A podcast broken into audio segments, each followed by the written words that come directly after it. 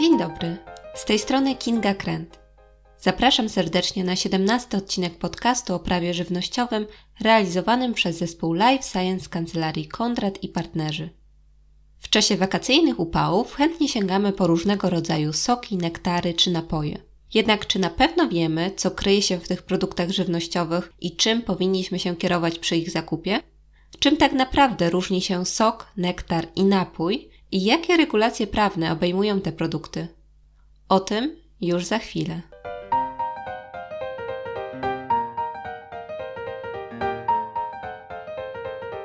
Podstawowym aktem unijnym wprowadzającym przepisy dotyczące soków owocowych i nektarów jest dyrektywa Rady 2001 łamane na 112 łamane na WE, czyli tzw. Tak dyrektywa sokowa. Z kolei krajowym aktem prawnym wykonującym powyższą dyrektywę jest rozporządzenie ministra rolnictwa i rozwoju wsi w sprawie szczegółowych wymagań w zakresie jakości handlowej soków i nektarów owocowych. Zgodnie z rozporządzeniem, sok owocowy definiowany jest jako wyrób zdolny do fermentacji, lecz niesfermentowany, otrzymany z jadalnych części zdrowych, dojrzałych, świeżych lub schłodzonych bądź zamrożonych owoców, jednego lub większej liczby gatunków, który posiada tę charakterystyczną dla danego owocu barwę, smak i zapach. Soki owocowe można podzielić według kilku kryteriów biorąc pod uwagę m.in. rodzaj surowca, a mianowicie możemy mieć do czynienia z sokami owocowymi, warzywnymi bądź owocowo-warzywnymi. Z uwagi na rodzaj użytej obróbki termicznej możemy wyróżnić soki pasteryzowane bądź niepasteryzowane, a z kolei patrząc na wygląd i konsystencję soków możemy wyróżnić m.in. soki klarowne bądź mętne. Co istotne, do soków owocowych zabronione jest dodawanie cukru i substancji słodzących, a więc jest w nich tyle cukru, co w samych owocach, z których sok ten został wyprodukowany. Przepisy nie zezwalają również na rozcieńczanie soków owocowych oraz dodawanie do tych produktów barwników, aromatów, a także co do zasady środków konserwujących.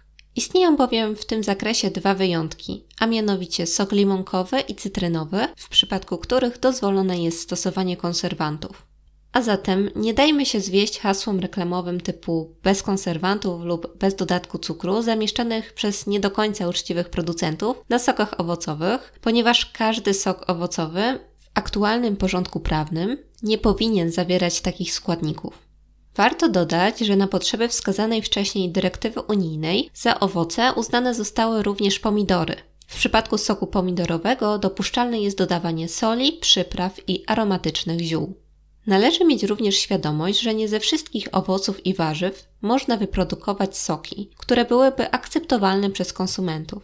Przykładowo soki z czarnej porzeczki czy aronii mogą być zbyt kwaśne i cierpkie dla niektórych z nas.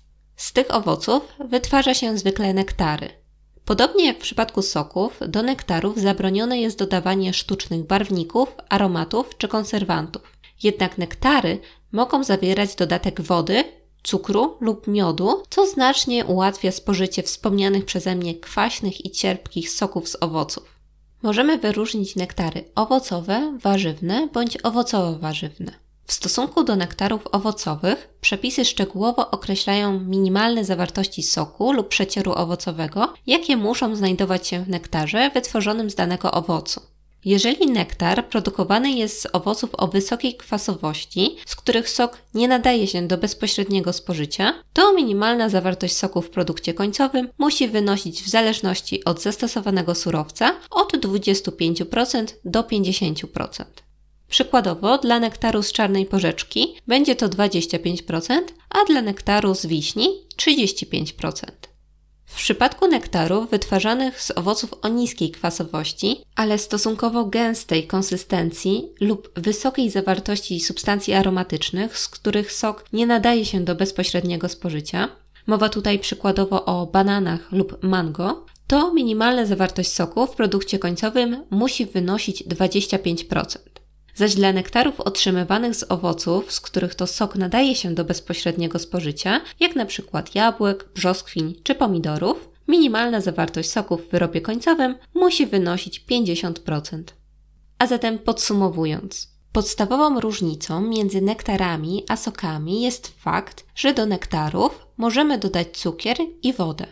Bowiem zarówno do nektaru, jak i do soku owocowego zabronione jest dodawanie substancji konserwujących, barwników i aromatów innych niż tych pozyskanych z owoców i warzyw. Co ciekawe, brak jest przepisów unijnych dotyczących jakości handlowej napojów, jak również definicji jakościowej tych produktów. Napojem owocowym, warzywnym bądź owocowo-warzywnym może być nazywany każdy płynny produkt nie należący do kategorii soków bądź nektarów.